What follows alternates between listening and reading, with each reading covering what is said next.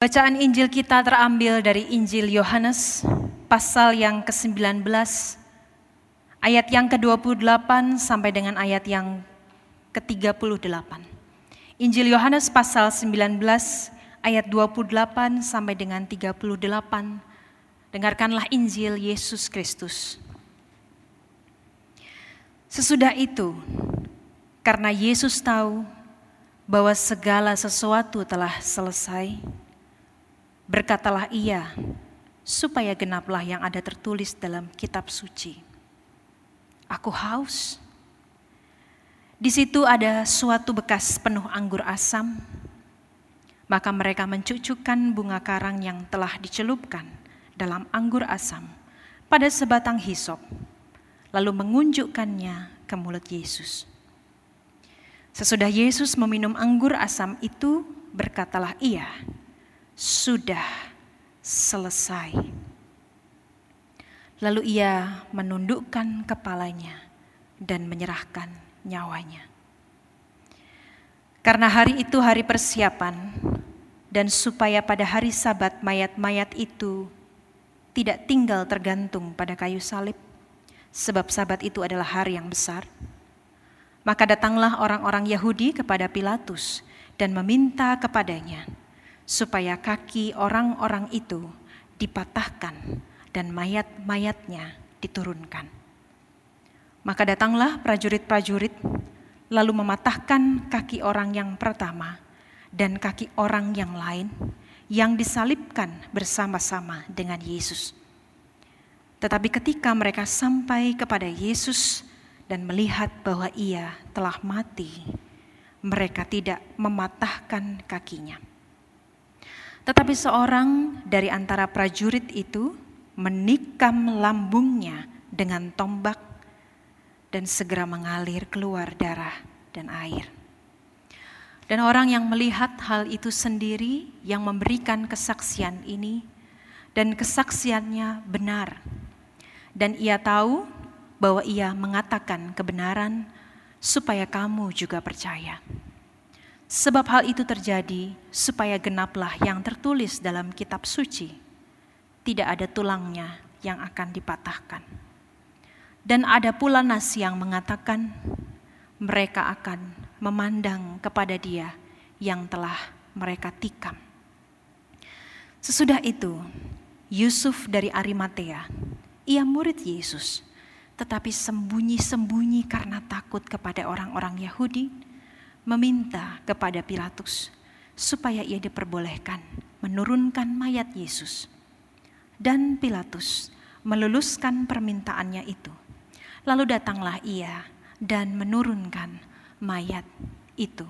Demikianlah Injil Yesus Kristus berbahagialah setiap kita yang bukan hanya saja membaca dan bukan hanya saja mendengar, tetapi yang sedia memelihara dan melakukan Injil hari lepas hari. Hosiana.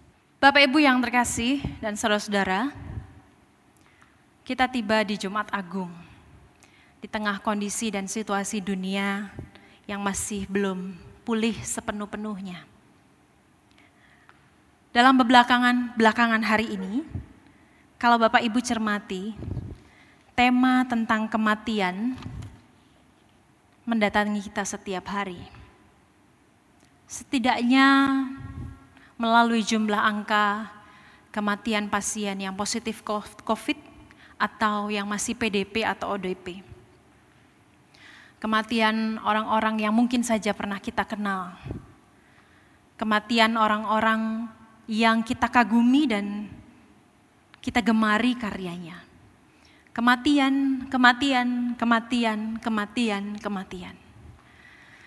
Menuju Jumat Agung ini rasanya kita berada dalam satu kondisi yang sangat depresif. Kondisi yang membuat kita putus asa, kondisi yang membuat kita takut. Dan ketika kita tiba di hari Jumat Agung ini, kita sedang berbicara tentang keagungan dari sebuah kematian. Salah satu cerita yang mungkin juga Bapak, Ibu, dan Saudara ikuti dalam beberapa hari belakangan ini, yang membuat rasanya siapa pun yang masih punya hati nurani begitu sedih. Kita ikuti beberapa berita di belakangan belakangan hari ini yang mengatakan bahwa jenazah-jenazah orang-orang yang menjadi korban penyakit ini, penyakit COVID-19 ini, ada beberapa, tidak semua memang, yang ketika sudah dilakukan semua protokol yang harus dilakukan dalam upaya untuk menguburkan dengan segera jenazah dari orang-orang yang mengidap virus ini selama hidupnya, ditolak di beberapa tempat kita lihat berita-berita mengatakan dan menyiarkan sebuah kesedihan yang luar biasa ketika bahkan jenazah yang sudah dipastikan diurus dengan baik sehingga semua kekhawatiran seharusnya tidak menjadi kekhawatiran dan ketakutan yang tidak berdasar. Ketika sebuah ambulans tiba, ketika para petugas medis dan juga para penggali kubur sudah siap. Namun ada sebuah tempat atau di beberapa tempat yang menolak penguburan dari pasien ini.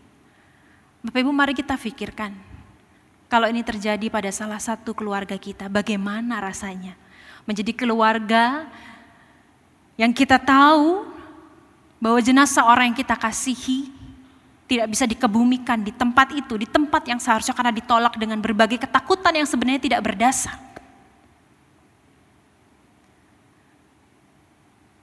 Mengapa manusia dalam keadaan dunia seperti ini menjadi tidak lebih manusiawi? Bukankah seharusnya keadaan seperti ini adalah keadaan yang membuat kita semua tergugah untuk melakukan kebaikan dan memberi pengharapan? Kenapa masih ada stigma-stigma yang begitu menyedihkan? Ini satu hal. Kita juga mengikuti berita beberapa hari ini bahwa masih ada saja para petugas medis yang menjadi garda terdepan dalam melawan virus ini ditolak kepulangannya oleh beberapa warga yang ketakutan tertular. Sehingga petugas medis ini harus tidur terlantar dan kita bersyukur setidaknya di Jakarta disediakan tempat yang layak bagi para petugas medis ini. Bapak Ibu yang terkasih, kematian, kematian rasanya begitu dekat dengan kita. Semakin dekat dengan kita setiap hari. Lalu apa artinya kita sedang membicarakan tentang keagungan dari sebuah kematian yang begitu luar biasa yaitu pengorbanan Yesus di kayu salib? Bapak Ibu yang terkasih, ketika Bapak Ibu saya harap masih membuka ya Yohanes 19 ayat 28 sampai 38. Bapak Ibu yang terkasih kalau kita lihat di Injil Yohanes, hanya Injil Yohaneslah yang mencatat kisah pasca kematian Yesus dalam tanda kutip. Memang Injil-Injil lain juga mencatat pasca kematian Yesus yaitu Yesus dikubur begitu ya. Tapi ada satu kejadian pasca kematian Yesus yang tidak ada di Injil lain tetapi hanya ada di Injil Yohanes. Setidaknya kita lihat bisa di Yohanes 19 ayat 31 sampai 37. Hanya di Injil Yohanes dicatatkan bahwa lambung Yesus ditikam dengan tombak. Ini tidak ada di Injil-Injil lain. Ini mau mengatakan apa Bapak Ibu yang terkasih? Teks Alkitab kita sudah mengatakan dengan jelas bahwa sebelum lambung Yesus ditusuk dengan tombak, Yesus sudah mati. Bukankah Yesus sudah tertunduk dan mengatakan sudah selesai? Dan jelas-jelas ia sudah mati di kayu salib dengan penderitaan yang bertubi-tubi beberapa jam sebelum kematiannya. Kehabisan darah, kehilangan daya untuk bertahan hingga ia mati, sudah selesai. Tapi mengapa Yesus yang sudah mati itu masih perlu ditikam tombaknya untuk memastikan bahwa dia betul-betul sudah mati. Bapak Ibu dalam kebudayaan Romawi, memang biasanya ketika dalam sebuah peperangan, ketika tentara Romawi sudah membunuh beberapa tentara musuhnya, yang biasanya mereka lakukan adalah ini menikam lambung dari musuhnya itu untuk memastikan bahwa musuhnya itu tidak pura-pura mati. Dan dipastikan bahwa kematiannya adalah kematian yang menghabiskan dan mengakhiri hidupnya. Dan kematian yang seperti ini juga dialami oleh Yesus. Yesus yang telah mati, tidak cukupkah Yesus mati di atas kayu salib, sehingga ia masih perlu ditombak dan segera mengalir darah dan air. Bapak Ibu yang terkasih dalam hari-hari yang tidak mudah seperti ini, saya yakin bahwa kenapa ya minggu-minggu sengsara ini kok rasanya ada atau ditaruh tepat pada ketika seluruh dunia sedang bergumul tentang penyakit ini, tentang virus ini, dan tentang penyakit-penyakit lainnya, dan tentang hal-hal yang terdampak dari penyakit ini. Kenapa pas sekali minggu sengsara itu hadir di masa ketika kita sedang ber, bergumul luar biasa. Ini mau mengatakan satu hal Bapak Ibu. Ketika saya mempersiapkan khotbah ini, saya menjapri beberapa teman saya dengan mengatakan, aduh rasanya ketika membaca teks ini, ketika membaca teks Yohanes 19 ayat 28 sampai 38, rasanya langsung terbayang bagaimana penderitaan para keluarga yang mengetahui bahwa jenazah orang-orang yang mereka kasihi tak bisa dikebumikan dengan layak. Karena jelas dalam konteks dan ruang dan waktu yang berbeda, tapi Yesus juga memperlihatkan sebuah kematian yang begitu tragis. Yesus yang sudah berupa jenazah dan mayat, sudah habis nafasnya pada waktu itu masih diperlakukan dengan tidak manusiawi. Lalu lantas kita mau berbicara apa soal keagungan dari kematiannya Bapak Ibu? Keagungan yang seperti apa yang sebenarnya sedang kita refleksikan dan kita harap menjadi kekuatan kita untuk setiap hari, setiap hari bertahan, bertahan, bertahan, dan bertahan di kondisi seperti ini. Bapak Ibu terkasih, saya ingin sekali kalau tadi kita hanya membaca di Yohanes 19 ayat 28 sampai 38, saya akan membacakan bagi Bapak Ibu ayat 39 sampai dengan ayat yang ke-42 yang tidak kita baca. Juga Nikodemus datang ke situ. Dialah yang mula-mula datang waktu malam kepada Yesus. Ia membawa campuran minyak mur dengan minyak gaharu kira-kira 50 kati beratnya. Mereka mengambil mayat Yesus, mengapaninya dengan kain lenan dan membubuhinya dengan rempah-rempah menurut adat orang Yahudi bila menguburkan mayat. Dekat tempat di mana Yesus disalibkan, ada suatu taman dan dalam taman itu ada suatu kubur baru yang di dalamnya belum pernah dimakamkan seseorang. Karena hari itu hari persiapan orang Yahudi, sedang kubur itu tidak jauh letaknya, maka mereka meletakkan mayat Yesus. Bapak Ibu, Injil Yohanes mengatakan ada dua tokoh dalam Alkitab yang bukan berasal dari ring satu murid-murid Yesus. Memang dikatakan bahwa Yusuf dari Arimatia itu juga adalah murid Yesus. Dan kalau kita cermati sebenarnya Yusuf dari Arimatia ini adalah salah satu dari anggota majelis besar. Di mana ia sebenarnya tidak setuju pada tindakan yang orang-orang Yahudi dan orang Romawi itu lakukan pada Yesus. Dan dicatatkan dalam Injil lain bahwa Yusuf dari Arimatea itu adalah orang yang menanti-nanti kerajaan Allah, yang hidupnya baik dan benar. Sedang Nikodemus, kita ingat di Yohanes pasal yang ketiga, dia adalah salah satu pengajar Yahudi, salah satu orang Farisi yang pada sebuah malam dengan diam-diam bertemu, bersoal jawab dan mengalami betapa Yesus mengasihi dan mengubah hidupnya. Dan Bapak Ibu yang terkasih, dua tokoh dalam Alkitab ini hendak membuat kita melek matanya, hendak membuat kita melihat bahwa di dalam sebuah kematian yang membuat kita putus asa dan membuat kita sedih. Rasanya ketika Jumat Agung tiba, film Passion of the Christ mungkin diputar lagi atau drama-drama tentang visualisasi penderitaan Yesus membuat kita menangis, kita meromantisasi perasaan itu dan kita jatuh dalam keengganan untuk melihat bahwa hidup ini pasti punya harapan, dua tokoh ini hadir untuk melihat bahwa di dalam kematian Yesus, di sinilah letak keagungannya. Kematian Yesus mengubah ketakutan. Kematian Yesus membuat Yusuf dari Arimatia itu dengan diam-diam berani menembus Pilatus untuk mengatakan, "Please, tolong berikan mayat Yesus untuk aku kuburkan." Nikodemus datang untuk mengafani dan memberikan mayat Yesus. Dilaburi dengan rempah-rempah. Yesus diperlakukan dengan luar biasa dari dua tokoh Alkitab yang kita lihat. Kematian Yesus yang penuh dengan derita itu mengubah hidup Yusuf dari Arimatea dan Nikodemus. Inilah keagungan keagungan kematian Yesus dilihat dari bagaimana ketakutan yang dirasakan oleh semua orang, bahkan murid-muridnya. Tak satu pun dari murid-muridnya yang kita lihat hadir.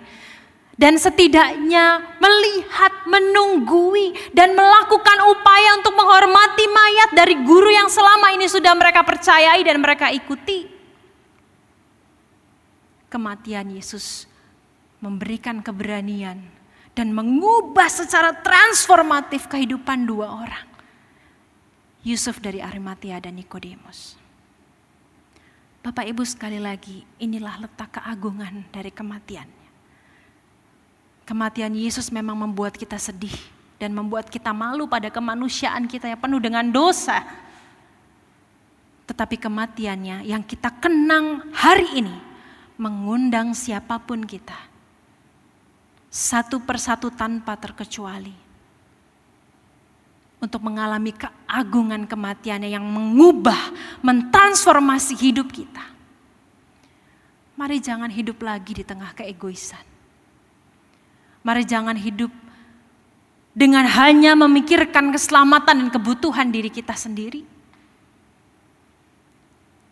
Dalam perjalanan menuju gereja tadi pagi Bapak Ibu, saya melihat sebuah kebaikan yang sebenarnya sederhana, tetapi di masa-masa seperti ini begitu bergaung dengan luar biasa.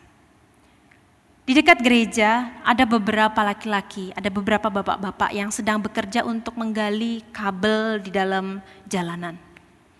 Dan tentu ini bukanlah perintah atau permintaan dari sang punya rumah. Mungkin ini pekerjaan dari dinas atau pekerjaan dari orang-orang yang tidak berkaitan langsung dengan si pemilik rumah.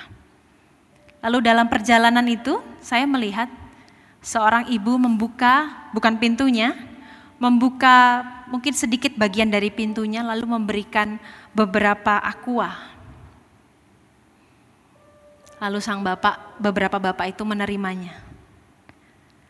Bapak Ibu mungkin saja dalam keadaan seperti ini kita tidak punya rezeki yang lebih untuk membantu atau menyumbang. Tapi melakukan kebaikan-kebaikan sederhana adalah sesuatu yang dibutuhkan.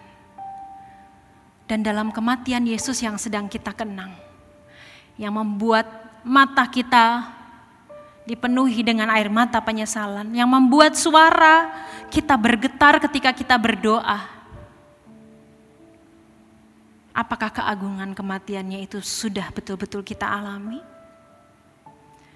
Apakah keagungan kematiannya itu sudah mengubah cara pandang kita?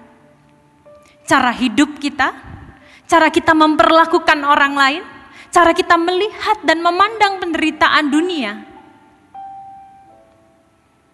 Apakah kematiannya sudah membuat kita merasakan kasihnya yang begitu besar, yang bukan hanya sekedar hafalan dan dogma yang berhenti di pikiran dan secara kognitif saja, tetapi menjadi sebuah transformasi hidup.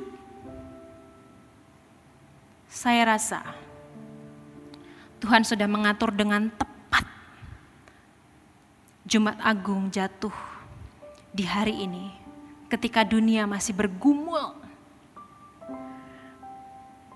Ketika masih ada banyak kebaikan-kebaikan yang Tuhan hadirkan di dunia ini. agar setiap orang yang membutuhkannya merasakan kasih Tuhan, merasakan pengharapan, merasakan keberanian untuk tetap berjalan, keberanian untuk tetap bertahan. Apakah keagungan kematiannya sudah mengubah hidup kita? Atau kesedihan kita hanya berhenti saat ini? Biarlah dalam perenungan dan pengenangan kembali, tentang bagaimana Yesus sudah diperlakukan dengan sangat amat tidak manusiawi. Menggerakkan kita untuk mengalami perubahan. Dunia membutuhkan kebaikan-kebaikan yang bisa kita lakukan. Dunia membutuhkan orang-orang yang tidak lagi memikirkan dirinya sendiri. Dunia membutuhkan tangan kita makin terbuka untuk sesama kita. Karena itulah keagungan dari kematiannya. Kiranya Tuhan menolong kita semua.